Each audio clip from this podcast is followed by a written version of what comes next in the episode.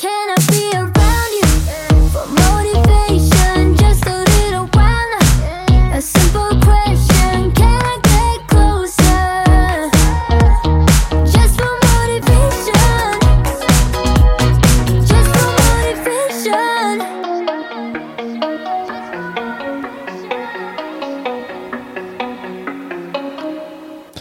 Ja, også denne episoden her er jo sponset da av Kulbox Coolbox eh, Norge, dvs. Si coolbox.no.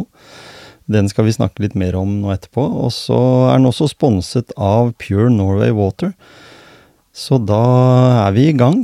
Og jeg må jo nødt til å si velkommen eh, til deg, Joakim.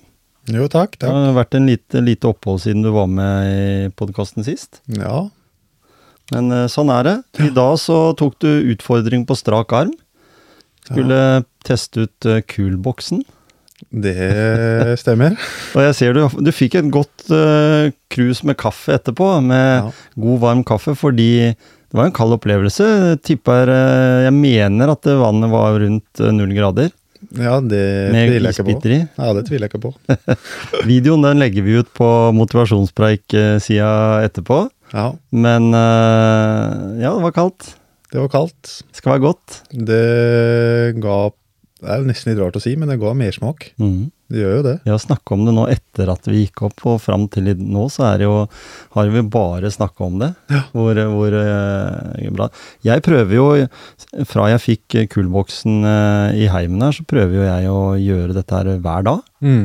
Eh, og de gangene jeg ikke rekker det, så er det kaldt vann i dusjen. Altså da er det isvann. Det, Mm. det, det er nesten litt verre, for du var inne på det, Joakim, at eh, du, du, du motiverer på en annen måte enn at du får den derre kaldtvannsgreia når du vet at den krana ved siden er varm. Mm. ja. ja. Nei, det er um, Jeg satt jo i bilen, som jeg sa i stad, at um, jeg satt i bilen og liksom prøvde å finne alle mulige unnskyldninger for å la være å komme. Ja. Ehm, Du, har- du har vært litt sånn på du, siden vi uh, snakka om dette her, at det også, hva, hva skjer? ja. Hva skjer med meg etter det? Ja. Nei, så det er Ja.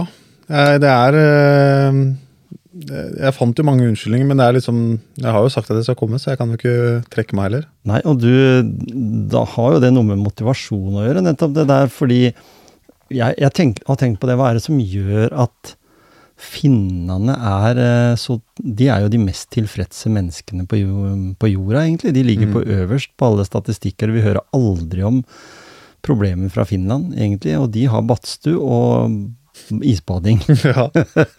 Sånn veldig sånn, selv om, selv om det er i ferd med nå veldig mange som dupper seg i vann, da, i kaldt vann.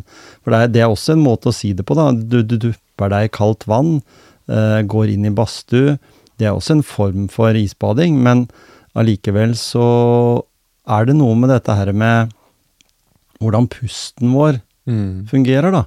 Lærer vi å puste rolig, ikke hyperventilere og være sånn helt sånn i sjokktilstand, som når du går i kalddusj f.eks., så holder den på som en apekatt. Mm. Eh, og det er viktig.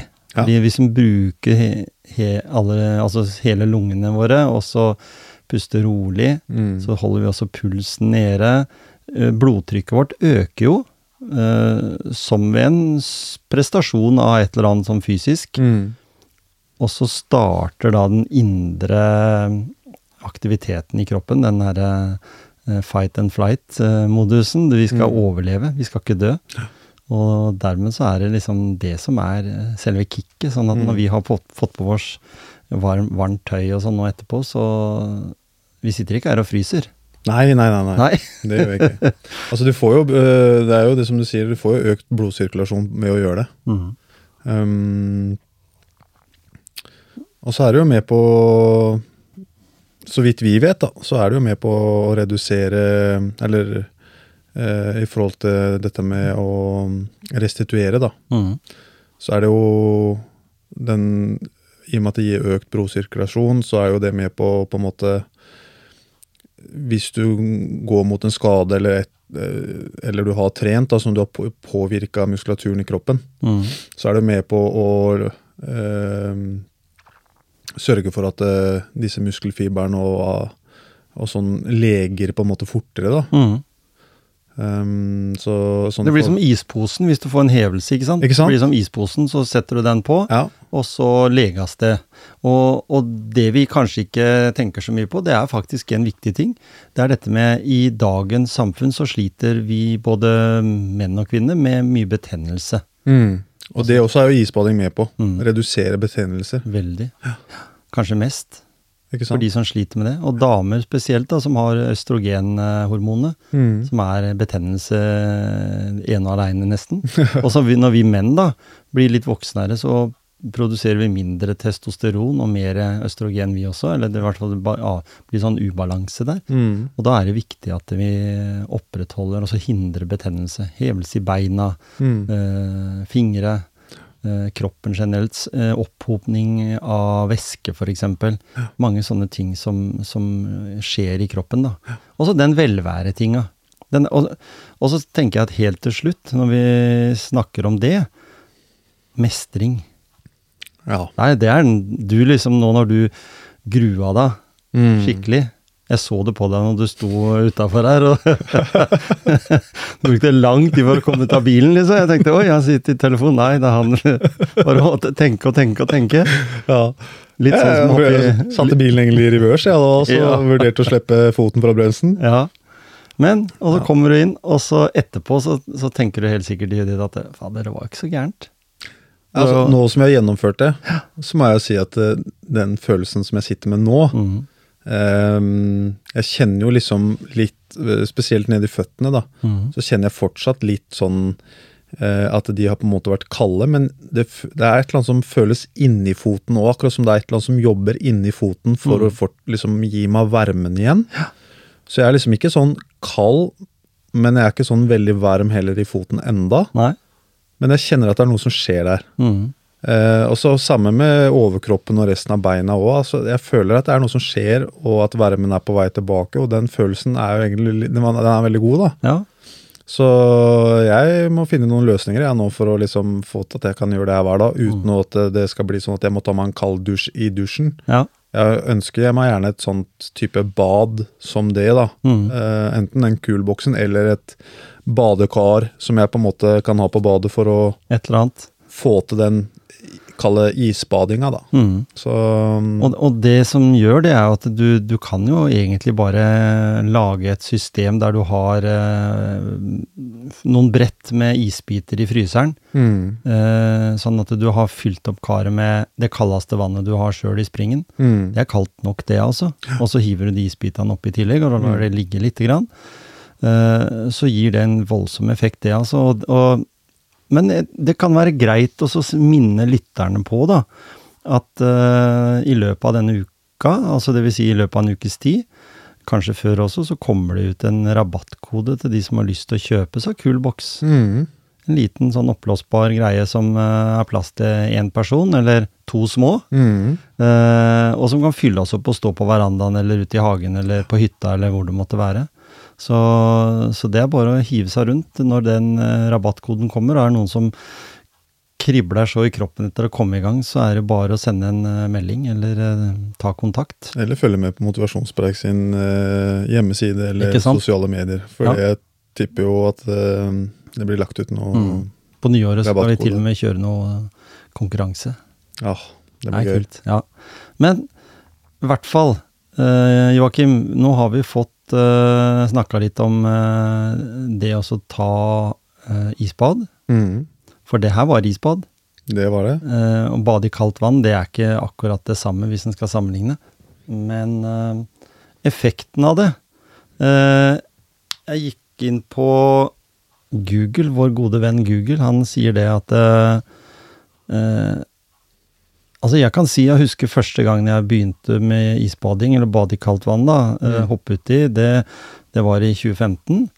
Eh, da holdt jeg på et helt år, faktisk, som jeg hver eneste uke var i et eller annet vann, eller en bekk, eller en, eh, en eh, Altså, kjørte jeg opp til Notodden en gang, husker jeg, så på vei ned så bada jeg i Bliva, liksom, som er sånn Skiens badeplass, i en liten kulpt som det blei liksom rett under brua der. For det var eneste stedet var, eh, var eh, åpent vann.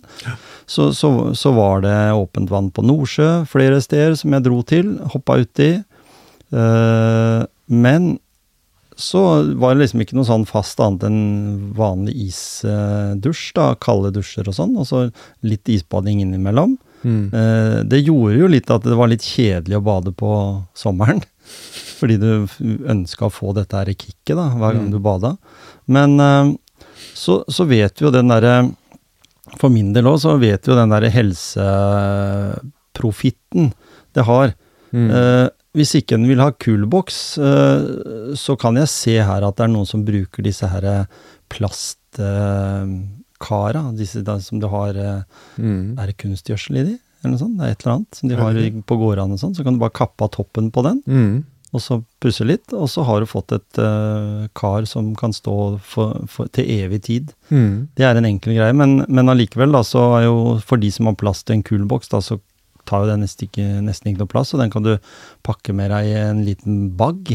Mm. Følg med en liten bag også, Mm. og som du kan ta med deg på, på tur. Ja. Så vinn-vinn.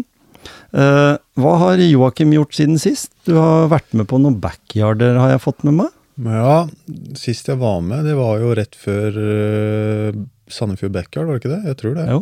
Så det er jo en stund siden nå. Mm. Um, Sandefjord Backyard var jo en fadese, hvis Ja. det er um, lov å si.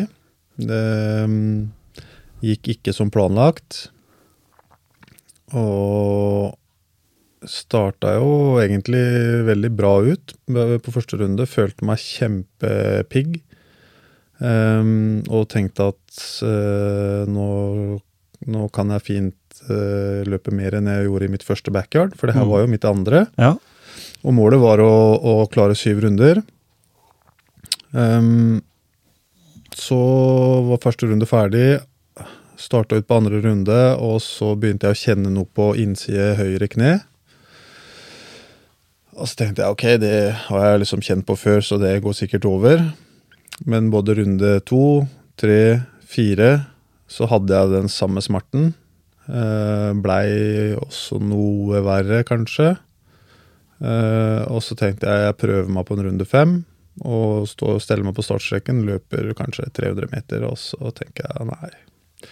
Det, det går ikke. Jeg kan ikke jeg, Altså å fortsette med å løpe med de smertene var bare tullete, på en Mm. måte. Nå hadde jeg løpt uh, tre, tre fulle runder da, med smerter i kneet, så Så da stoppa det på fire runder De starta på runde fem, da.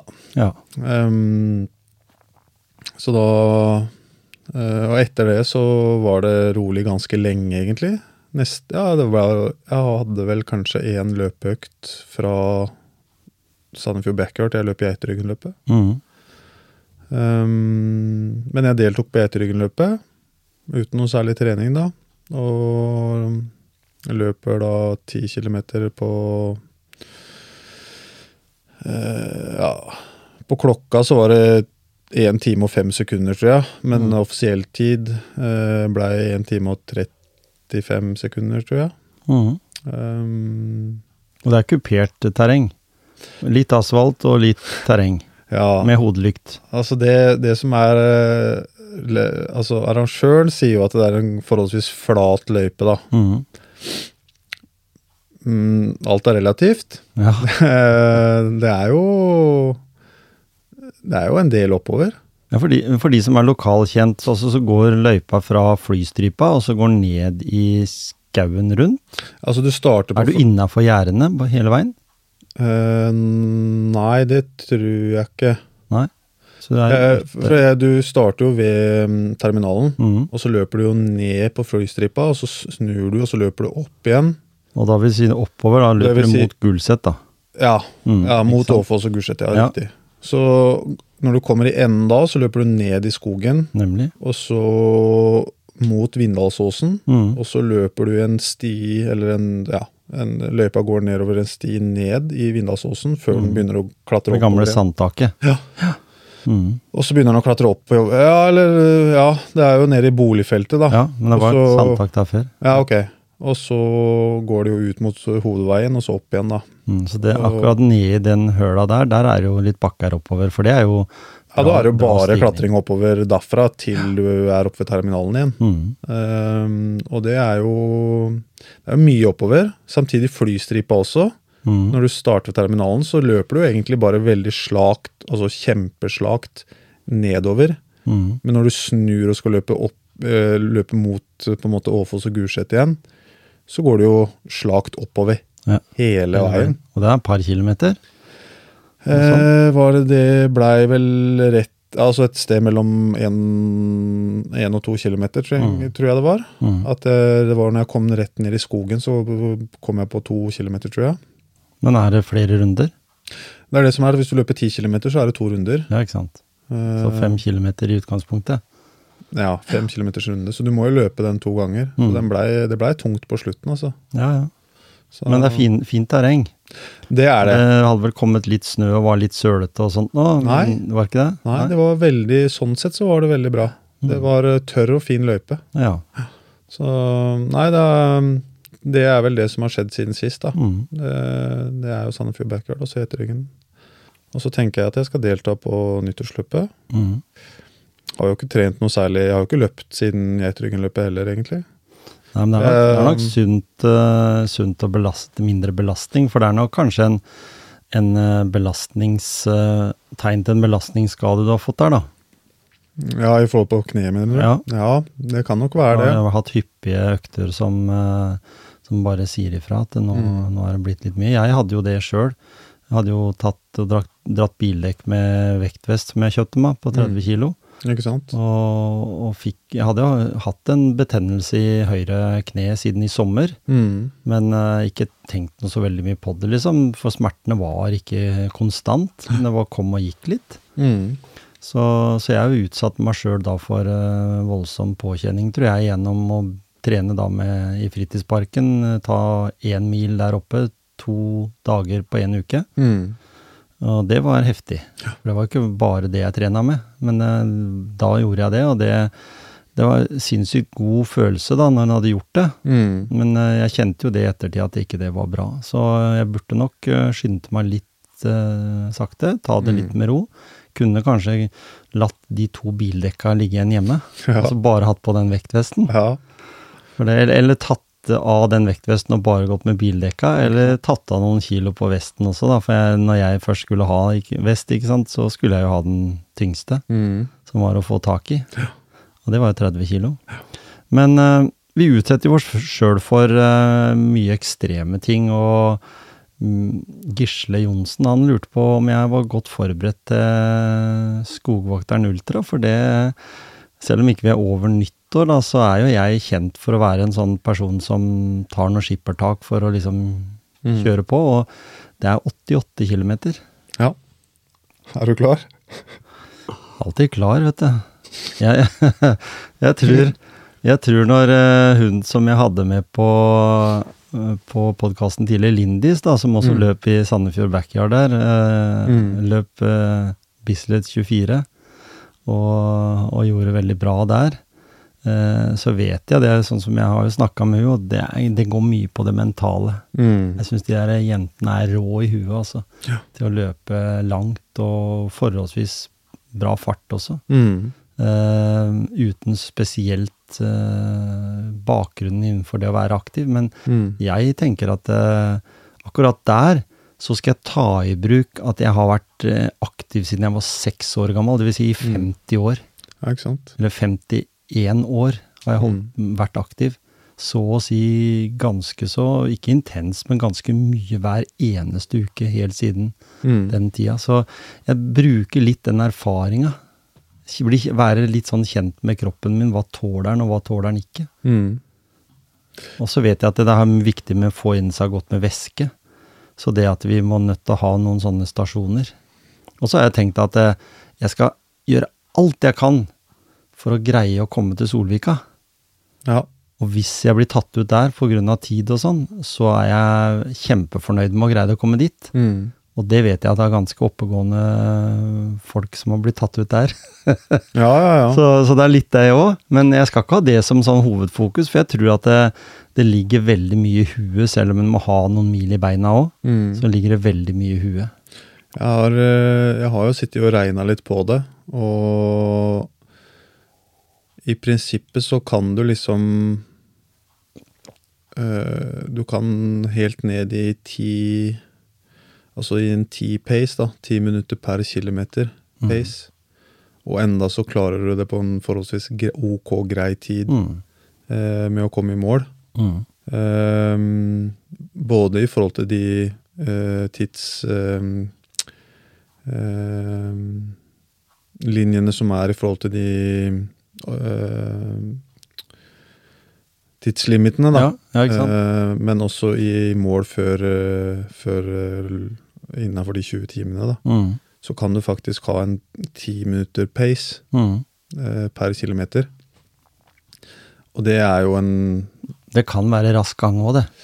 Altså det er eh, Hva det var for noe? Var det 6, komma et eller annet, eller var det 7 kilometer i timen? Mm. Og det er ganske sakte. Mm. Det som på en måte blir øh, øh, Det vanskelige er jo på en måte når du begynner å skal da gå høydemeterne, Mm. så har du jo ikke sjans til å ligge på den pacen. Um, og det må du hente inn igjen, på en måte, da, Mm. når du går nedover. Og nedover er det som er på en måte det verste i forhold til låra og muskulaturen i låra. Uh, så du må på en måte prøve å ikke bruke nedover for å hente det inn, men kanskje bare bortover, da. Ja, for vi snakka jo om kanskje noen av de ekstreme stigningene er jo opp til Vealøs. Der er bratt. Mm. Det har jo flere andre steder også som er bratte, men de er, sekvensene er mye kortere. Mm. Lengden opp dit er liksom sånn type tre kilometer i strekk som det mer eller mindre er stigning. Mm. Eh, Når du kommer da på toppen, så skal du jo ned igjen, på Mm. andre sida, ned mot Silja. Og det er nok sikkert et helvete da, fordi da har du allerede vel passert noen, eh, i hvert fall halvannen mil, Ja. omtrent. Og tidlig i løpet, for så vidt, men allikevel så er det nok der det begynner å hyle og skrike litt. Fordi, Mm. fordi du på en måte ikke Altså det å gå oppover de bakkene, det er ikke lurt å presse seg. Får du syre der, så er løpet kjørt. Ja. Da står du bånn stille på toppen. Ja. Så, så derfor så er det viktig, som du sier, holde litt høyere tempo på sletter, Mm. og, og prøve i starten, liksom. eh, holde litt eh, tempo, Mm. eh, hvis en skal greie å komme rundt. Og det er Jeg vet jo det at jeg har jo løpt i skauen oppe ved Geiteryggen. Når vi kommer ned på nedsida ved Visteinkjenna og Piggen og Mm. ned mot Klyve og sånt, at det, du er i et helvetes uh, mentalt dårlig sjikt akkurat der, da. Ja, det er helt uh... Da, er du bare, da må du i tilfelle bare være tøff i trynet. Da må vi ha en Mm. kulboks der. Ja, ikke sant? Ja, nei, det er eh, den eh, Det blir hardt. eh, hardt Mm. Veldig hardt. Og så, er- hvis ikke jeg husker det, det I fare for å si noe feil, men så tror jeg å- mener mene å huske at første halvdel av løypa er rundt eh, 1900-2000 høydemeter. Mm. Det er første halvdel. Så det vil si at du har eh, 1500 høydemeter på siste halvdel. Da. Mm. Så det er på en måte mm, Hvis du klarer første halvdel, Mm. Så er det liksom mindre høydemeter eh, og kall det litt mindre avansert løype, kanskje, da, eh, på siste halvdel. Og det er lurt at det er sånn, da. Og det er jo for så vidt bra, Ja, eh, sånn sett. Hvis en tenker sånn. Eh, ja, altså Det er det jeg mener, da. At Mm. det er kanskje sånn man må tenke, da. Mm. For å liksom ha det mentale litt mer på plass. Ja. Eh, men det er jo ikke noe å legge skjul på at det kommer til å bli så beinhardt at, eh, som vi aldri har opplevd før. Antag, eller ant, antar jeg, da. ja. Så mm, Det er sånn som jeg tenker at det Når jeg har løpt Viking Challenge oppe, på, oppe i Rjukan, opp Mm. nei, opp til Vealøs, opp til Gaustatoppen, mm, 1880 meter, 83, så er det faktisk de første kilometerne der som er verst. Den, eh, jeg husker enda at de tre gangene jeg har løpt, så er det alle gangene så har det vært verst fra idrettsstadion og til du begynner å klatre. For da svirrer det rundt i huet på deg. Hvordan du har tenkt å legge opp løpet. Mm. Og du vet at det er så bratt stigning der at du går i kø Mm. akkurat opp til de første 500 meterne. da. Mm. Det er liksom, det er rett opp, da. Det er jo mye brattere enn opp til Vealøs, hvis en tenker sånn. Mm. Så kommer det opp et lite platå der, og så er det innover i terrenget. Uh, uh, det er bare kos, Mm. egentlig, når du har kommet der. Men så kommer jo da, og det her må du være selvforsynt, for dette er jo nasjonalpark, så du har jo ikke lov å, de har ikke lov å ha drikkestasjon etter den siste på er det 700 meter. da. Ja, ikke sant. Og så går det sikksakk oppover til du kommer helt på toppen, og den siste kilometeren, den er lang. Da ser du toppen der framme, Mm. eh, og det er bare stein. Du hopper fra stein til stein, og du har, da, da har du liksom krypet oppover på alle fire. Så bratt har det vært, liksom, i en, en stor Så, så vi skal utfordre hverandre litt på Viking Challenge òg, vi. Du, du er med på sånne ting, du. Ja, så For det er en dritgøy. hvis du tar, når du tar det sånn på direkten som det her, Ja. så kan jeg jo ikke si noe annet enn ja, da. Det er noe av det morsomste jeg har gjort. Både fordi du kommer på toppen og er så sinnssykt fornøyd, og du Mm. vet liksom hvor uh, sinnssykt rått det er med de som tar Norseman, f.eks. Mm. Dette er jo siste etappa, bare. Eller det er en liten del av siste etappe. Burde jo legge opp til sånn der motivasjonspreik minutt for minutt på det løpet, da. Ja, ikke sant? Så Det er filmer, vår mikrofon. ja, og filmer hele turen opp, liksom. Jeg var, men jeg var faktisk første Snakker med NRK, tror jeg. Ja, ikke sant? Motivasjonspreik Første- minutt for minutt. Første gang så løp jeg med drikkesekk. Mm. eh, og hadde med meg energibarer og gel og alt i sekken. Mm. Eh, andre gangen så droppa jeg den, fordi jeg tenkte at eh, da hadde jeg sånn vest med sånne drikkeflasker. Mm. Da, da blei jeg dehydrert. Ganske enkelt. Jeg drakk for lite. Ja. For da var jeg så slapp og sto nesten og sjaga når jeg kom opp på toppen der. Og jeg har en kompis som tok bilder av meg både den ene gangen jeg kom første gang. Da var jeg jo skikkelig blid og veldig bra form når jeg kom opp. Eh, andre gangen, da var jeg dritdårlig. Altså da Mm. var jeg Det ser du på bildene òg. Mm. Siste gangen, da, var, da tok han ikke bildet, men da, da følte jeg at jeg Da skulle jeg prøve å holde følge med eks-samboeren til yngstedattera. Mm. Han er jo en sånn sinnssykt som trener, og gutter i 20-åra, det husker jeg jo sjøl. Mm. Vi kunne jo bare nevne ordet treningssenter, vi så blei vi i sinnssykt god form. Vi behøvde ikke å trene engang.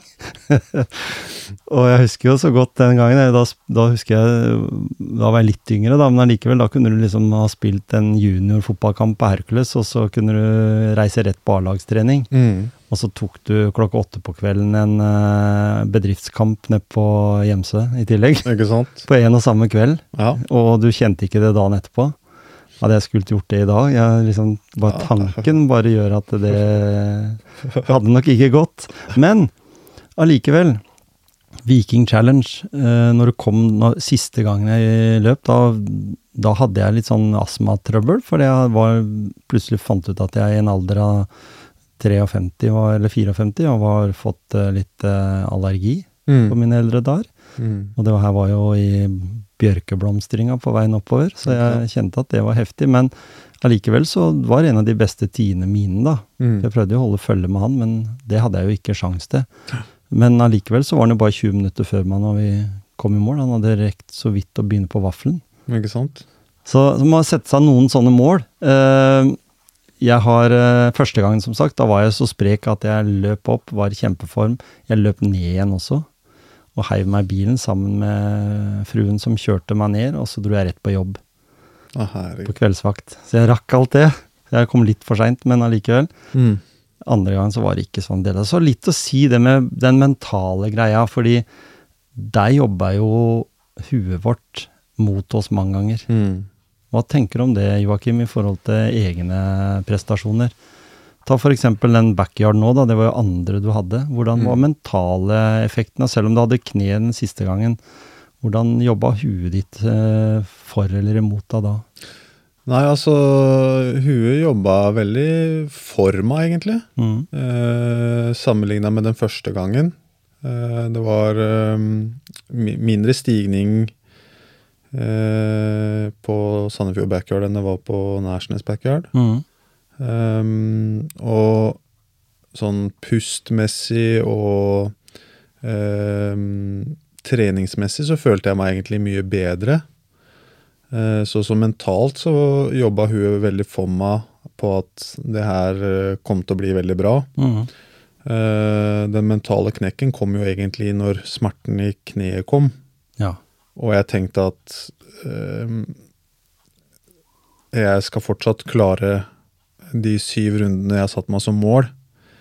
Um, men når jeg da kom på runde fem, så var det et eller annet som bare gikk gjennom at du må ikke fortsette nå, fordi du risikerer egentlig å skade deg mer enn du på en måte Er det verdt det, på en måte, da? Mm. Uh, og kjedelig å bli langtidsskada. Og så har jeg jo på en måte trent lite siden også, fordi um, så fort jeg har ikke nødvendigvis vært aktiv, men eh, kanskje mm, lekt litt mer, lekt med barna eller har vært litt sånn, sånn type aktiv da, i det Mm. hverdagslige, så har jeg liksom kjent litt på den eh, smerten i kneet, som Mm. har liksom ført til at jeg har på en måte ikke turt å tatt å løpe heller. Og så har det eh, gått gjennom kroppen, og så har det blitt litt sånn at nå har jeg mista motivasjonen litt for løping Mm. på grunn av det, da. Mm. Um, men så tenker jeg jo daglig på uh, det som vi nettopp har snakka om med skogvokteren, og litt sånne mål som vi har satt oss, da. Mm. Uh, og jeg må jo komme i gang igjen, men uh, jeg har fått en motivasjonsknekk av den eh, skaden i kneet, da. Mm. Um, og så har jo jeg vært veldig på dette her med å komme deg opp av den jævla sofaen. Ja. Um, og den har, det har vært en sånn, et sånn sjumilssteg for meg nå. liksom, Jeg må tilbake til han Joakim som har oppfordra alle andre til å komme seg opp på den jævla sofaen. Mm. Um, så jeg Nei, jeg har gått i en liten sånn motivasjonsknekk nå, altså. Og den har vært vanskelig å komme seg ut av også. Mm. Uh, og så har det vært en del ting sånn i det private livet også som uh, uh, har liksom satt en liten sånn stopper akkurat nå. Eh, nå begynner ting å løsne litt, og eh, har liksom fått flytta og litt sånne ting, da. Så nå tenker jeg at eh, at man eh, Nå er jeg liksom litt klar for å Mm. eh, sette meg ned og så legge opp en plan da for, for treninga mot skogvokteren. Mm. Eh, jeg har jo vært veldig dårlig på dette her med styrketrening, blant annet. Eh, og det har vi også snakka om tidligere. Mm. Eh, og at jeg har vært veldig på dette med løping. Eh, så nå tenker jeg liksom å legge opp en plan hvor treninga også innebærer styrketrening, da. Uh, og legger opp en plan for det kombinert med løpinga. Som, eh, uh, for det også kan jo kanskje være med på at den smerten i kneet har kommet, da. At jeg på en måte ikke har trent noe styrke. Bare, for meg så har det bare vært løping, løping, mm. løping. Um, så jeg tror jeg bare får liksom roa det siste nå før jul. Eh, legger en plan, og så eh, gjør jeg liksom Tar jeg en sånn all in-utgave nå eh, fra nyttår. Mm. eh, hvor styrketrening innebærer mye av løpetreninga mi, da. Mm, Ja, for hva gjør huet ditt med da hvis du Nå skulle du løpe nyttårsløpet. Mm. Eh, Jeg skal gjøre det, jeg òg. Og du kjenner smerter i kneet etter tre kilometer. Hva gjør det med den mentale greia di, den planen som du nå har? Fordi du har jo Mm. lagt en ganske stort press på deg sjøl, ved at du offentlig har gått ut og Ja. reklamert om denne her jævla sofaen, og, Mm. og at du eh, er med i, i, i grupper da, som på en måte skal promotere løping og sånt, Og så, så vet jeg jo at det kan være lurt med variert trening. Eh, du tenker jo litt i de baner nå. Eh, du har jo fått med deg litt fotball, ikke sant, på Ja. i hvert fall annenhver torsdag. Ja. Og litt uten, utenom, kanskje, men i hvert fall eh, fotball er på en måte en stor belastning for akkurat de gruppene, sånn som knær, ankler Mm. og sånt noe, da. Så, så styrketrening kan jo absolutt være bra, det. Gå opp Mm. og ned på en kasse på crossfiten, eksempel, er jo en Mm. veldig god Og øvelser med egen kroppsvekt er jo genialt. Ja, så Mm. det, det blir jo en del av eh, planen, da. Eh, den uka som jeg på en måte har barn, Mm. eh, så blir det nok en del sånn eh, styrketrening hjemme, da. Egen kroppsvekt, få inn eh, noen eh, enkle vekter og liksom kunne Mm. trene, trene hjemme. Eh, og så blir det jo på en måte å ha litt fokus på eh, å løpe når jeg ikke har barna. Uh, se her, ja. Da kan vi jo si det, da, at mens jeg nå snakka, så tok eh, Tom Kjetil oss og, og reiste seg, og så fant han fram en bok fra Mariann Deila. Mhm. 'Tren der du er'. Ja, 100 øvelser du kan gjøre hvor som helst. ikke sant? Bli din personlige trener. Ja. Så den uka jeg den må du ta med deg hjem nå, og så må du lese den. Ja. Eh, nå skal det sies at uh, jeg har aldri i mitt liv, og det her er helt sant, jeg har aldri i mitt liv lest en hel bok Nei? siden barneskolen, og den boka jeg leste på barneskolen, den fant jeg på biblioteket. Jeg måtte skrive noe om den boka. Mhm. Den uh, var på, jeg husker ikke helt nøyaktig, men jeg mener den var på et sted mellom 10 og 15 sider. Og der måtte jeg skrive liksom en sånn summary av den, da. Mhm. Eh, og det er den eneste boka jeg har lest hele. Nei. Jeg har aldri lest en skolebok eller noen andre bøker helt ferdig. Så nå Så- utfordrer jeg deg. Nå leser du den boka til Mariann Deila. Vi vet jo begge hvem hun er. Eh, vært med i podkasten her tidligere, eh, og kommer tilbake igjen også. Har Skrevet flere bøker enn akkurat den, men jeg tenkte den kunne være greit å ta ut av mitt lille bibliotek, ja, eh, så du kan se, for der er det vel litt eh, øvelser og litt bilder òg. Ja, altså det sånn eh, veldig overordna så ser det jo veldig sånn fint og flott ut, da. Mm. Så kanskje halve boka er mye tekst. Når du er halvveis i boka, så er det litt, en del mindre tekst og mye bilder av øvelser, da. Ja. Så det her kan jo fort være en bok som eh, Som jeg kan eh, Jeg tør ikke å love at jeg leser hele, altså, for det, det, jeg er litt sånn juksemaker på sånne ting. Så det kan fort være at jeg hopper liksom rett til det som på en måte er Penger deg mest. ja, som er øvelsene, og, Ja, ja. og liksom Ok, den øvelsen der ser fin ut, den kan jeg lese litt om. Ok, det Mm. har noe med trening eller det hjelper i forhold til løping. Så den kan jeg implementere, da. Ja, for det, eh, det jeg må si, da, det er jo at eh, Sjøl er jeg også i samme gata som deg. Jeg er veldig sløv på det. Jeg tror at jeg, nå har jeg treningsprogrammet mitt inni huet, Mm. og så sier Gisle til meg at du må skrive det ned. Mm. For da blir det mer At du har skrevet ned, så blir det mer forpliktende, og du kan følge opp, og du kan på en måte notere ned hvordan gikk det i dag, ikke sant, og ha en treningsdagbok, da, hvis du tenker sånn. Men eh, hvis en har eh, en diagnose ADHD f.eks., så er jo det dritvanskelig.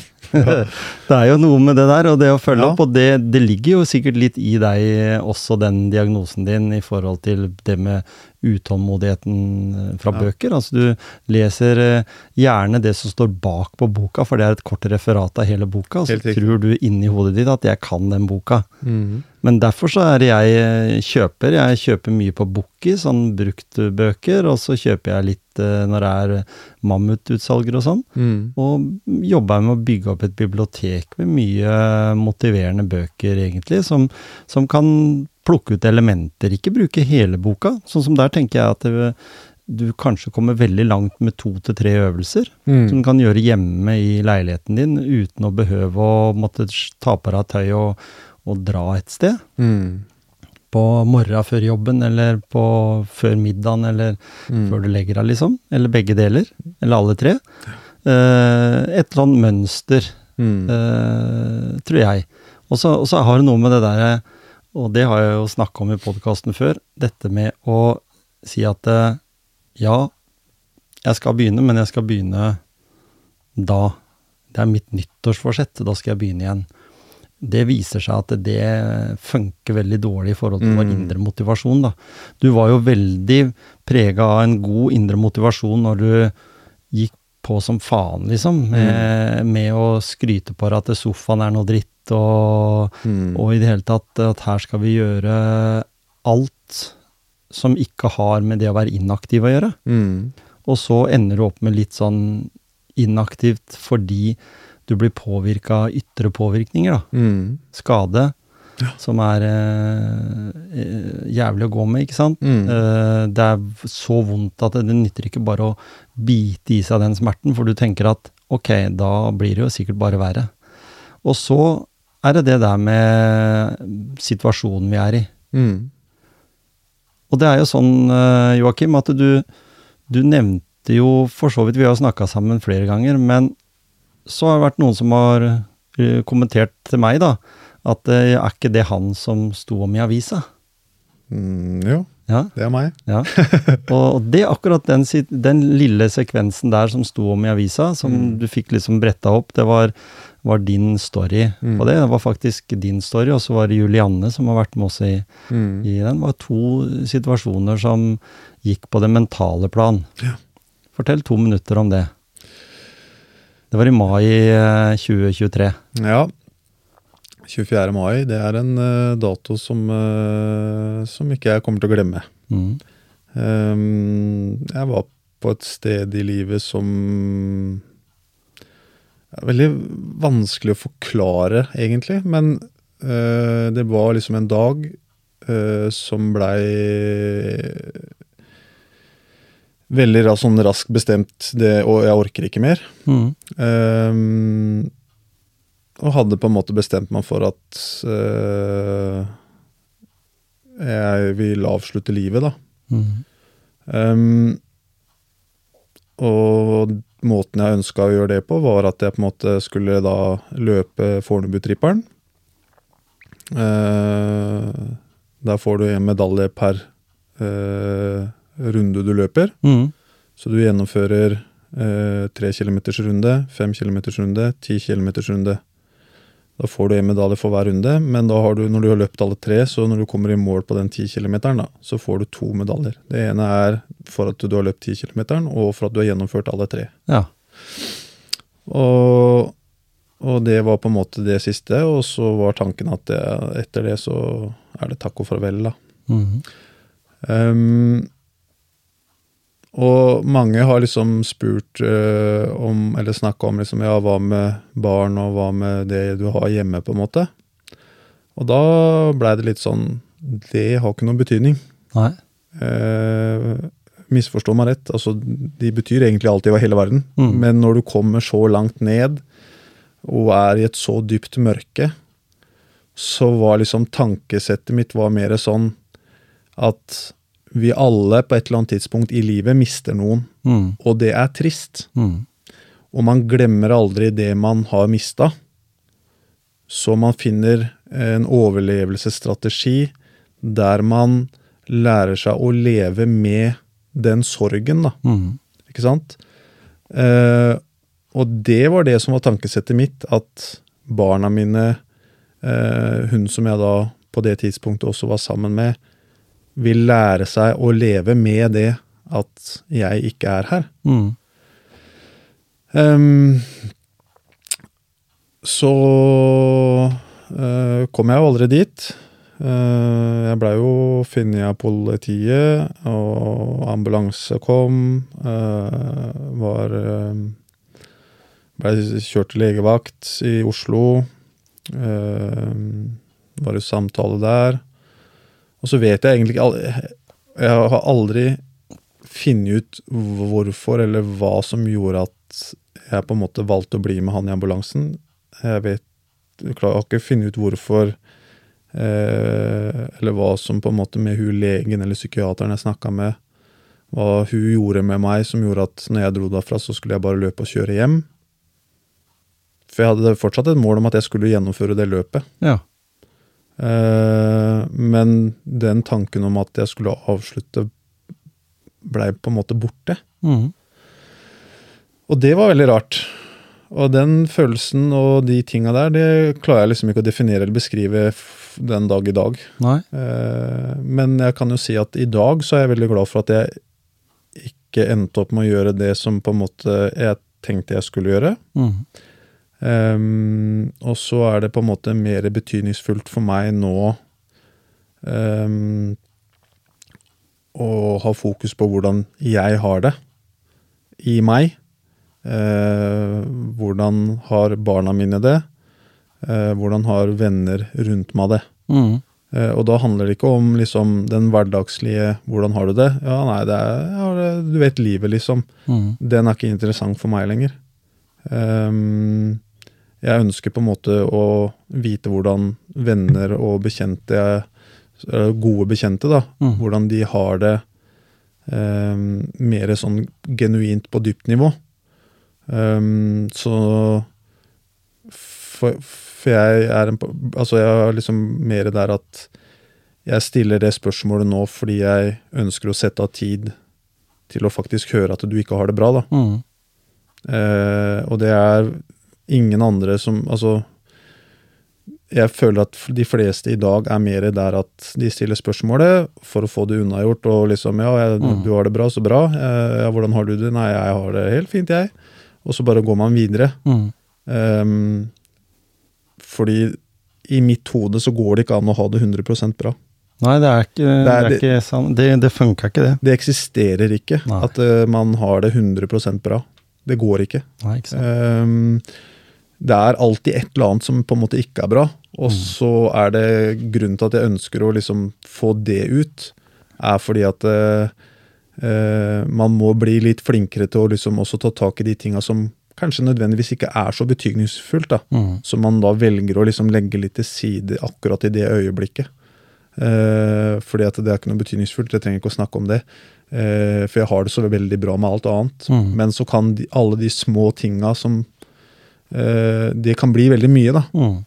Så Og så tenker vi, vi, vi tenker kanskje litt eh, irrasjonelt akkurat i den situasjonen du kommer i der, da. Fordi som du sier, mm, noen føler seg som en over lang tid en stor belastning for alle pårørende. mm, Eh, du var jo ikke i den situasjonen, fordi du på en måte var jo Joakim, og du var jo den eh, energibunten og den som jobba 200 og, og full pakke. Så, så du Det var liksom sånn, litt sånn ville vært hvis du hadde gjort dette, da. mm, Tenkt at den, eh, den tanken der hadde fått eh, blitt gjennomført, så hadde du blitt en vanvittig savna person fordi du på en måte har gitt så mye av deg, da. mm, Og så kommer du til den statistikken, eller du ville unngå den statistikken som er blant menn. Mm, Det er jo egentlig den situasjonen der som du var i, som gjør at mange menn dessverre Mm. mer enn damene tar en avgjørelse på at eh, en greier ikke mer. Det er for stort trøkk. Det er Mm. for eh, Og vi, vi har kanskje ulike mentale evner, eh, hvis Mm. en sier sånn.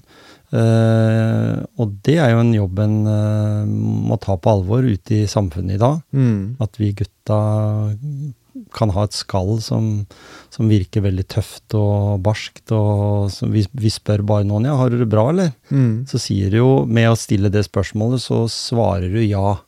Ja, så du legger jo opp til at eh, du får et ja, på en måte. Ja, for, ja, for det, hvis jeg spør deg har du det bra, eller? Så kan du svare bare ja eller nei. Ja.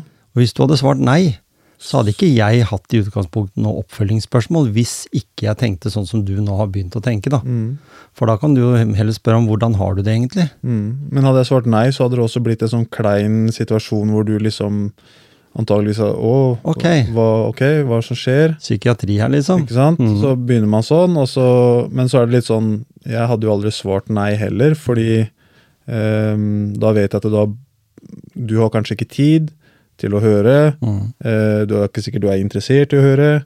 Alle de tinga her begynner. Så man, som mann så Mm. velger man bare å svare ja, da. Ja. ja du, Um, du ønsker jo ikke å flytte det der negative mindsettet over på en annen. Og Så i dag, så i dag, hvis noen hadde spurt meg i dag, mm. eh, og så hadde jeg liksom sagt at nei, jeg har det bedre, eller Mm. det går greit. Mhm. Eh, Jeg hadde ikke nødvendigvis sagt nei, det går bra. Eh, Nå vet jeg at det er så mange som på en måte eh, kjenner til det fordi at det har vært skrevet om i avisa. Mm. Mm, Så når folk spør meg nå, så føles det veldig godt å kunne si at eh, nei, det går greit, eller eh, noen dager er bedre enn andre. Mm. Eh, hvis jeg har hatt en dag som har vært skikkelig dårlig, da, Mm. så svarer jeg det at det, nei, akkurat i dag så har det vært en litt kjip dag. Mhm. Og så får de på en måte, de som stiller spørsmålet, får bare velge å ta det sånn som de vil. Og om de vil følge det opp, eller om de vil prate, eller sette av tid til å prate om det eller ikke. altså Det får være opp til de. Mm. Men da Jeg føler meg veldig mye bedre nå, da. eh, i, I etterkant av det, og i hvert fall særlig etter artikkelen. For jeg var litt sånn skeptisk til om skal jeg la de publisere eller ikke. Mm. Eh, Men eh, det skal sies at journalisten Helt fantastisk. eh, Veldig bra skrevet. Mm. Um, og at hun har påkobla på en måte han i politiet. Um, og henta liksom eh, historikk og litt sånn statistikk og opplevelser fra politiet også inn i den, Mm. eh, og kobla det opp mot hva jeg forteller, og sammenligninger, og at han er enig i Altså hele bare alt det hun har klart å liksom snekre sammen der, da Mm. gjorde bare at det der var liksom ikke Det var en no-brainer, da. Det Publiser. Mm. Um, og jeg har jo fått kjempemasse gode tilbakemeldinger. Um, og det var Det er spesielt én, jeg husker ikke hva hun heter, og jeg har den meldinga på telefonen et eller annet sted. Eh, men hun har søkt meg opp, søkt opp navnet mitt på 1881, eh, og sendt en melding og skrevet eh, Jeg vet ikke om dette er riktig nummer, uh, men hvis du er han fra avisa, uh, så vil jeg bare takke deg og for at du står fram, og ja, jeg husker ikke hele, men Nei, nei. altså en kjempe sånn fin tilbakemelding da, Mm. fra en helt fremmed person som har liksom søkt opp nummeret mitt på 1881. Mm. Um, så det er eh, Nei, jeg har fått kjempemasse bra tilbakemeldinger Mm. på det. Og jeg mener jo at uh, uavhengig av om du er mann eller kvinne, selv om menn uh, topper den statistikken, da, så syns jeg liksom det skal være rom for å eh, kunne si at man ikke har det bra. Mm. Um, og man skal ikke være redd for å stille spørsmålet. Har man dårlig tid, så ikke stille spørsmålet 'hvordan har du det?' Og forvente at du skal liksom øh, Hvis ikke du har tid til å på en måte snakke om det, da, så liksom bare si 'hei, vet du hva, du, Mm. hyggelig å se deg, men jeg har litt dårlig tid'. Mm. Og så får du heller ta opp den tråden igjen en annen gang, da. Vær litt sånn forsiktig, fordi det er eh, det er et sårt tema fortsatt for min del. Jeg er i, fortsatt i, også i en prosess eh, hvor jeg føler jeg må på en måte jobbe meg mot eh, tilbake til mm, Kall det normalen, da. Mm. Eller til det som på en måte var Joakim en gang. Eh, jeg er fortsatt i en prosess der. Eh, og de fleste dager av uka er på en måte bra, selvfølgelig. Men eh, det er, eh, det er eh, tid Det er liksom Det går opp, og det går ned. Men lengter du etter den Joakim som var sånn skikkelig arbeids... Eh, Nei. Eller føler du at det var et race uten noe endestasjon? Altså Ja, altså, jeg savner ikke Jeg savner ikke det mm, Det stresset, på en måte. Eh, det, for det var liksom Det blei et sånt jag, liksom. Men kapasiteten? Altså Kapasiteten har jeg nok iboende i kroppen fortsatt, eh, men jeg velger å sortere det litt. Mm. Eh, velger å på en måte kanskje eh, Sånn som eh, Ha litt mer fokus på barna. Mm. eh, ha litt mindre fokus på at eh, jobbe, jobbe, jobbe. Altså det er liksom jobbe det jeg skal jobbe. Mm. Og så Eller det du må? Eller det jeg må, ja. Ja. Eh, og, så, og så prøve å ha litt fokus på at det som på en måte er eh, tid utover det, da, er tid jeg setter av til meg sjøl for å ha fokus på at jeg skal ha det bra. da. Mm. Og det innebærer jo på en måte, kall det, kall det en normal hverdag, da. Det å liksom komme hit i podkast med deg. Um, møte venner. Um, uh, og være litt sosial. Og, men samtidig også ha litt aleinetid. Så det er jo, det er jo en balanse i hele greia. Mm. ehm, som må jobbes mot. Og så tenker jeg jo liksom også at jeg eh, skal liksom oppsøke noen jeg kan prate med, Mm. som på en måte har det her som et profesjonelt fagfelt. da. Uh, for å liksom kanskje uh, hjelpe meg litt mer sånn med strategier i dårlige perioder, da. Mm. Uh, men jeg kjenner jo faresignala veldig godt nå. Uh, og jeg skal jo absolutt ikke tilbake til 24. mai. Ehm, så det Og en, veldig nær kompis av meg, han bor i Oslo. Han, uh, han sa det egentlig så fint, men allikevel litt sånn uh, Han mente ikke noe stygt med det. Han mente bare godt ved det. Og så var han litt sånn skeptisk med å fortelle, men han sa jeg bare sier det, og så får vi heller snakke om det, på en måte. Og så sier han at misforstå meg rett, men jeg er så glad for at 24. mai skjedde. Ikke fordi jeg ønsker deg at du skulle gå igjennom det, men det har vært så bra på alle mulige måter i ettertid. Mm. Fordi han selv også var i en ganske kjip situasjon. Um, og har ikke hatt det, hatt det bra, han heller. Nei, ikke sant? Så det vennskapet har jo på en måte styrka seg enormt mye Mm. uh, i etterkant, og at man snakker mer om uh, til og med liksom de uh, mildeste tinga, da, som på en måte kanskje ikke har, liksom, har vært noen betydning tidligere å snakke om, har liksom blitt sånn at det snakker man om det også. Ja, for, for det, det mange kanskje tenker da, i forhold til vår mentale helse, det er at det er litt femi. At det er litt sånn jentegreie. Det å så snakke om følelser. Eh, derfor så tror jeg også det har litt grann med hvordan vi tenker eh, sånn fra vi på en måte blir født og vokser opp, da. Mm. At det, kanskje de unge menneskene som vokser opp i dag, eh, både gutter og jenter, er litt mer eh, på der at dette her, det må jeg snakke med noen om. Mm. Dette har jeg lyst til å være åpen om. Det er, det, det, en vet jo det, at eh, unge mennesker i dag er litt mer eh, påskrudd akkurat der da, enn vi, eller din generasjon og min generasjon, som skal være litt tøffe i trynet, og en skal liksom helst uh, du, får, du får veldig ofte høre dette her at nå må du skjerpe deg. Men jeg tror fortsatt det er mye mørketall også blant unge i dag, nettopp pga. sosiale medier. Det kan det være. Uh, som egentlig kanskje gjør det enda verre enn for vårs igjen, som er i vår generasjon. Mm. Jeg, jeg tror kanskje de unge i dag har det mye verre pga. det er så mye mørketall og mye mobbing. Uh, og, og sånn via sosiale medier, da. Mm, det er en pressituasjon. Mm. Men det jeg tenker på, det er at en, veldig mange har litt lettere for å være ærlig med hvor de er hen i livet.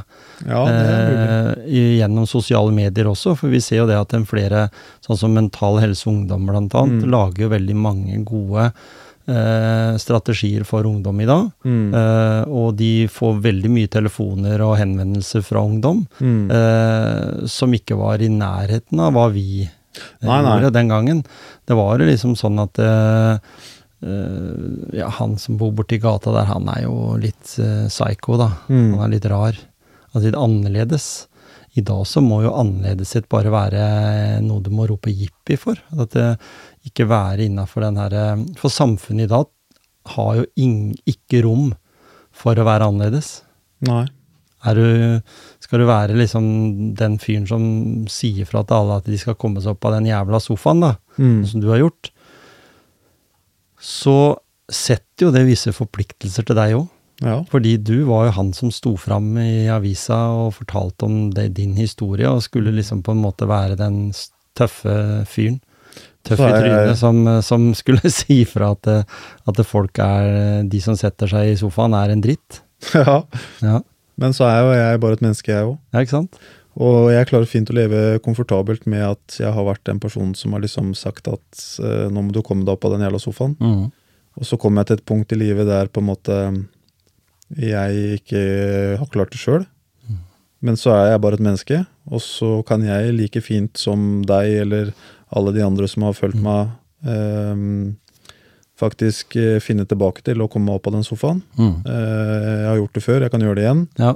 De som ikke har gjort det, de kan fortsatt gjøre det. Mm. Um, så uh, motivasjonen for å liksom fortsette med det er der. Og så har du veldig gode, og så har du veldig gode forskningsresultater med deg, vet du.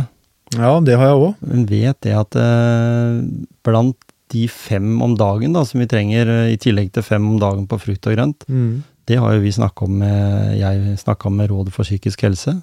Mm. Så, så dra opp igjen det med fem om dagen Mm. uh, innenfor vår mentale helse. Mm. Uh, og en av de viktige punktene der er vær aktiv. Mm. Og det er jo det som på en måte var det som gjorde at jeg begynte å løpe. Mhm. For den løpinga var blei en sånn egenterapi. Ja, Men ikke sant? selv i den egenterapien så har det blitt litt for mye. Mm. Uh, som førte meg til den 24. mai, da. Som, Ikke sant? Uh, Ja, for kjører, vi kjører oss helt ned i kjelleren, vet du. Vi, vi tror at vi er en Noen ganger så tror vi at vi er en større kapasitet enn det vi egentlig er. Og det du sier nå, Joakim, at du har blitt kanskje mer ærlig med deg sjøl i forhold til hva du på mm, en måte kan bidra med sjøl, da. uh, er jo viktig å være ærlig. Så um, Så, så det jeg har lyst til da å repetere for de som ikke har hørt på den episoden om det som en kaller hverdagsglede Jeg må på med briller, jeg, vet du. ja. Det er eh, fem enkle punkt, eller grep som det heter.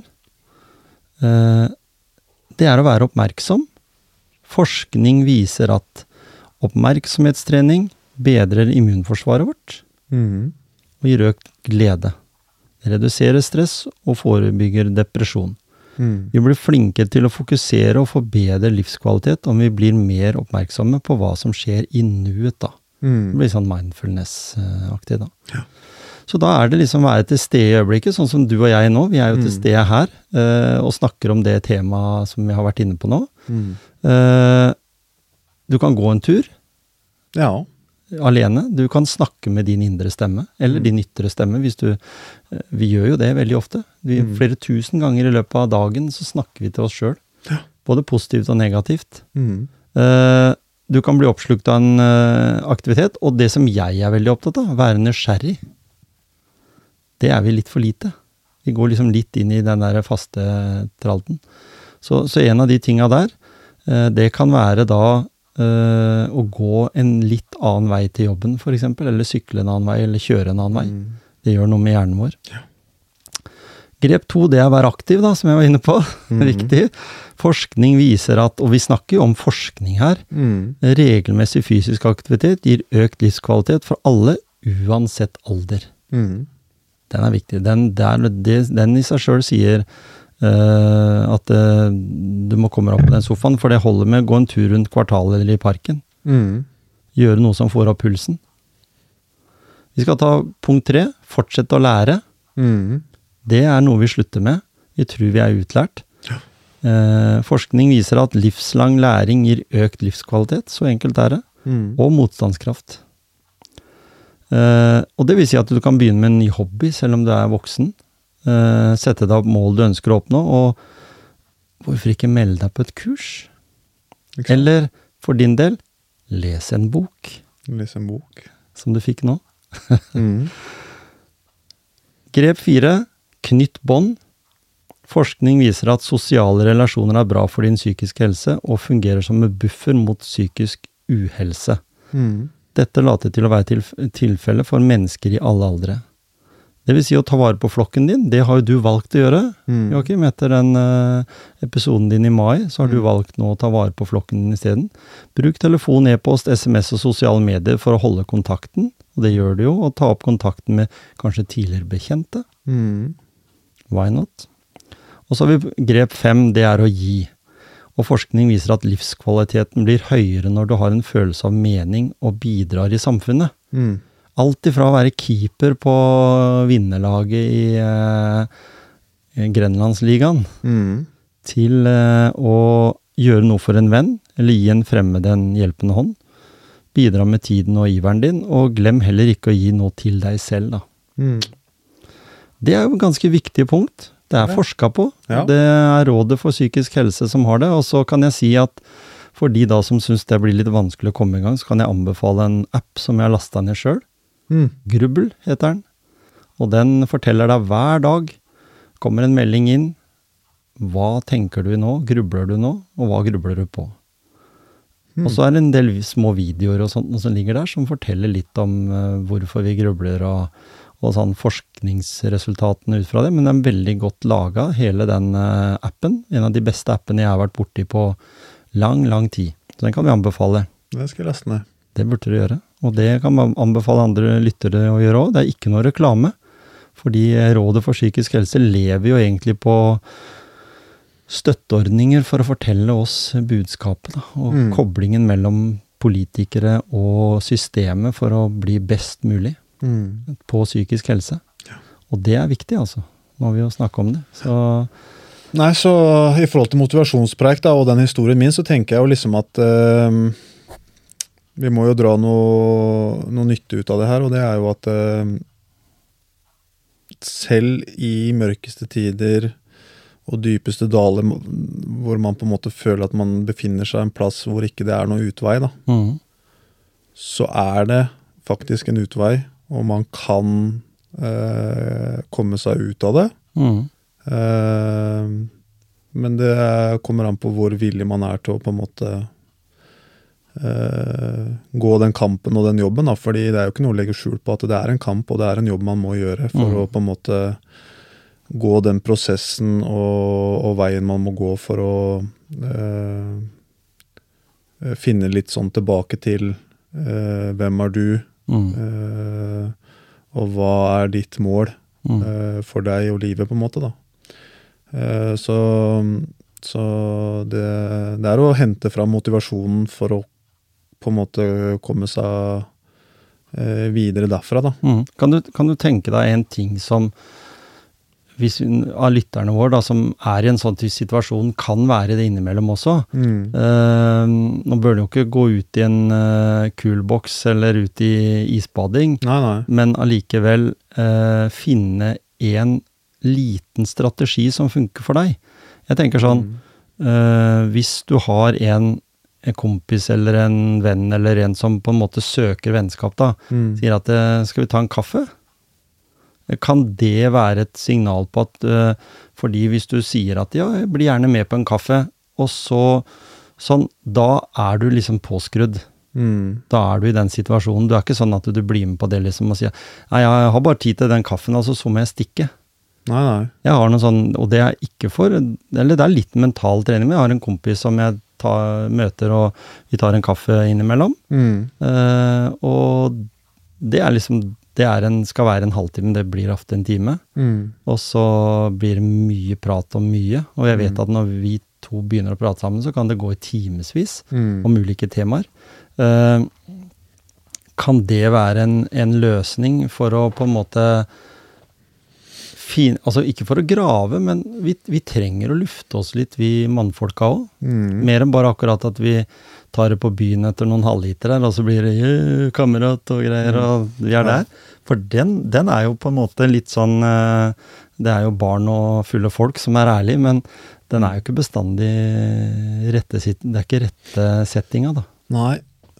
Nei, altså Ja, hva tenker du på i forhold til Tenk på hvis du, hvis du tenker i forkant av 24. mai, da. mm. Eh, hva kunne vært liksom et middel for å unngå at du kom i den der? For det er jo tross alt å komme i en sånn situasjon. Mm.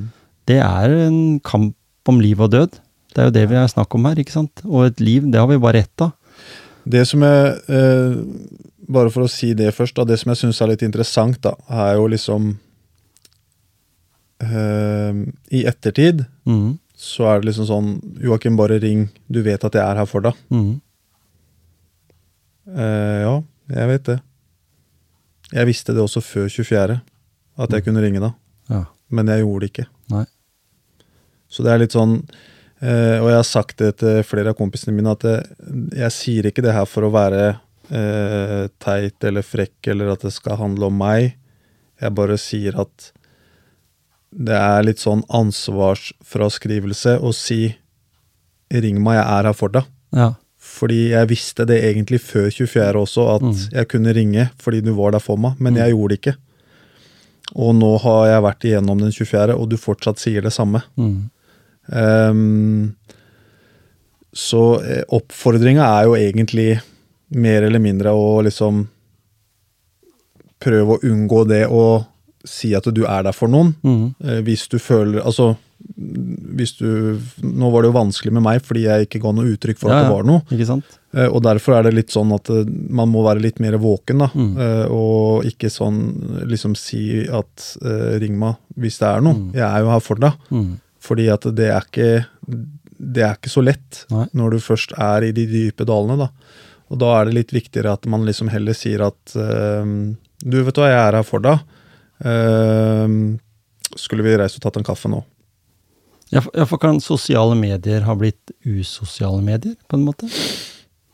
At det, at det på en måte er en, en litt sånn eh, hvis, hvis du får en sånn melding, da, så har den personen som har sendt meldinga, letta litt på trykket for seg sjøl, og håper jo at du tar det innover, da, men at det kanskje, sånn som det ble gjort før, at den tar den telefonen isteden. Mm. Og så kan si at eh, å ja, nei, du er kanskje litt opptatt, ja, og så sier du ikke sant, ja, jeg er akkurat på jobb, men kan vi ikke ringe oss litt seinere? Mm. At du på en måte For det, det har jo litt med, med, med å bry seg, og, og jeg vet jo det at eh, Jeg husker Gisle sa når han var på, syk med kreftbehandling og sånn, at mange de liksom hadde fått greie på det og lurte på åssen det gikk med han og, og sånt noe. Og så blir du kanskje litt lei av å svare på det hele tida. Mm. At du Nå har jeg gått litt videre, jeg egentlig, så jeg vil gjerne snakke om framtida vår istedenfor å, å dvele ved fortida. Mm. For det er jo litt sånn nå, at du har jo lagt en ny strategi for, for det, og lærte sinnssykt mye av den situasjonen, helt Mm. sikkert. Uh, og alle rundt deg også har lært masse. Mm. Fordi de har jo tenkt at eh, fy søren, var det så nære at vi holdt på å miste Joakim, liksom? Mm. Og så er det egentlig nå en, en tanke som bare streifer deg de gangene du er litt langt nede, men Mm. så er du blitt mye, mentalt mye sterkere, kanskje. Ved Mm. at du har jekka deg sjøl et par hakk, og så har du mot, andre motivasjonsfaktorer i, i hverdagen din som du kanskje ikke hadde den gangen. Jeg vet ikke. Nei, jeg vet ikke. Det er eh, Som sagt, så står jeg fortsatt i en sånn prosess da, som er litt sånn Mm. Eh, Hva er veien videre, på en måte? Um, jeg er på et mye bedre sted enn jeg var eh, Mm. selvfølgelig tilbake i tid nå, men ehm, um, Jeg har liksom funnet ut at én ting som har blitt viktig, er at uh, det her er noe som jeg har valgt å gå ut med offentlig fordi jeg ønsker å snakke mer om det. Mm. Ehm, Jeg ønsker å snakke veldig mye mer om det. Jeg ønsker å lage et foredrag om det. Jeg ønsker å eh, møte opp på alle mulige arenaer ehm, der det er viktig å snakke om det, eh, både i forhold til folk som jobber med det, Mm. eh, skoler, barn, unge. Ehm, fordi jeg er ikke den eneste mannen, og så er det ikke bare menn, det er også kvinner eller mm. jenter. Barn, og Ja, mm. så, så for meg så, så har liksom dette her blitt en sånn Ok, nå er jeg fortsatt er i en prosess, så jeg må på en måte finne eh, en vei jeg må gå Mm. eh, i den prosessen. Eh, det innebærer at jeg må face mye av de vonde tinga, de vonde følelsene, eh, på veien. Um, og må um, ta det som kommer uh, ut ifra det. Mm. Og så må jeg på en måte jobbe med de følelsene og de tinga for å, uh, å finne motivasjon da, til Mm. å liksom uh, gå tilbake til meg, da. Mm. Um, og så syns jeg det er veldig hyggelig når folk kommer og spør uh, hvordan går det med deg nå, Mm. uh, fordi de har sett eller lest artikkelen. Eh, sånn at jeg kan på en måte face den litt, og så bli litt sånn påminnet at eh, vet du hva, takk for at du spør. Mm. Um, og da blir det også litt mer genuint, da, fordi jeg føler at den som spør, faktisk spør uh, fordi den er interessert i eller har, orker å liksom sette av tid til å høre på hva du har å si. da. Mm. Um, så så oppfordringa mi egentlig er at man på en måte ikke lenger sier at 'husk at jeg er her for deg'. Eh, fordi den personen vet at du er der. Hvis Mm. du er en god venn, så, er, så vet den personen det. Og da er det ekstra viktig at man liksom faktisk eh, heller går litt sånn du vet, jeg, vet, jeg håper du vet at jeg er her for deg. Eh, skulle vi tatt en kaffe? Fordi at da har den personen eh, merka at det er noe ved deg da, som gjør at eh, han ønsker å ta en prat med deg, liksom. Mm. Og så er det jo sånn at eh, mange med diagnosen ADHD Mm. eh, har jo en bivirkning også ved det. Og det er jo nettopp den situasjonen du forklarer nå. En, Mm. en, eh, en finner andre bevisstfaktorer i, i, i livet da, som, som på en måte setter det, som, som takler ting ulikt. Mm. Eh, Samlivsbrudd, sykdom, andre ting som kan på en måte også være liksom utslagsgivende, da. Mm. Eh, og det kan vi snakke mer om. Vi kan uh, ta opp disse temaene framover. Og er det lyttere der ute som har lyst til å komme med noen tilbakemeldinger, så må du bare gjøre det på motivasjonspunkt. Jeg får jo jevnt og trutt uh, tilbakemeldinger, det er derfor Mm. uh, jeg dro den tråden videre fra isbading her i dag, Joakim. For at, Mm. hvis, for at andre som har sendt meg melding, syns at det var eh, Og hadde hørt stemmen din her Mm. og hørt at du hadde vært med, og jeg ville gjerne synes det var et bra tema for, for podkasten.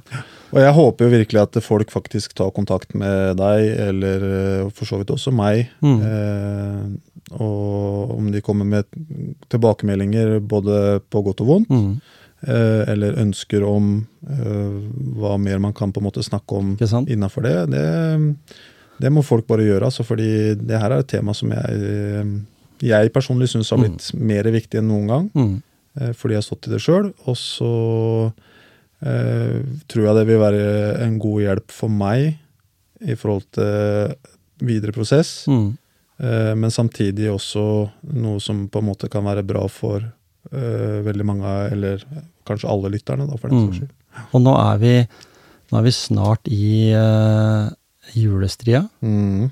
Uh, I en tid for mange som har mye ensomhet, men også Mm. for mange andre som er veldig busy.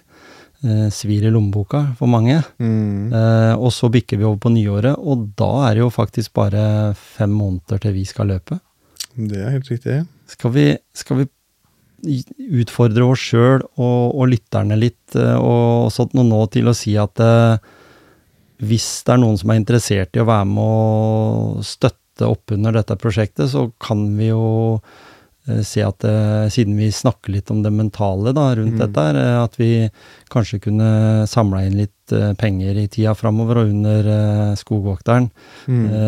en kilometer-greie på som kunne gå til mental helse, f.eks. For Absolutt. de gjør jo en jobb og trenger penger. Absolutt. Så vi kan tygge litt på det videre nå utover eh, denne, det, denne sida av året og inn i, inn i det neste, også Mm. i treningsopplegget vårt. Og så ser jeg at det, det gir oss en ekstra motivasjon, kanskje. Mm. Vi kan uh, gjøre et forsøk. Det var bare en ball jeg kasta opp her nå, og du nikka jo til det, så Ja, ja, ja. så at det, det kunne vært en viktig betydning. Så for de som syns det kan være spennende, så er det også bare å gå inn på enten Joakim eller min uh, Instagram eller Facebook og si at dette syns vi er kult. mm. Eh, og så kan vi sette opp litt retningslinjer og sånt noe på det. Lage en lage en eh, sånn spleis, kanskje? spleis, ja. ja, for eksempel. Som gjelder fram til den løpsdagen. Eller dagen etterpå. Dagen etterpå, ja. Mm. Mm. Det syns jeg, eh, jeg hørtes ut som en god idé. Vi holder den muligheten åpen, og så takker jeg da for både isbading mm. og, og en veldig hyggelig prat. I like måte.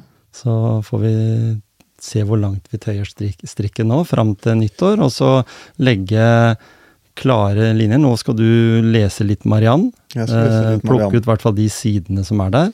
Og så kanskje vi, kanskje vi får Mariann i studio eh, en dag. Kan, vi, kan du si hva du har erfart fra Ja. den boka? Det kan jeg. Og Mariann har jo kommet ut med andre bøker også, som forteller litt om hennes prosesser i, i livet. Mm. Er det her, eh, bare for å spørre om det, er det den siste? Nei, Nei det er er ikke den siste. For den siste er jo mer en fortelling eh, om henne og hennes erfaringer eh, gjennom hennes liv, da, og, og, hva du kan Og det er en del verktøy, det også. Hun Ja. er flink til å uh, dele med seg på, Mm. på ulike verktøy. Mm. Så, men der har du enkle øvelser som kan gjøres hvor som helst, Når som helst. når som helst.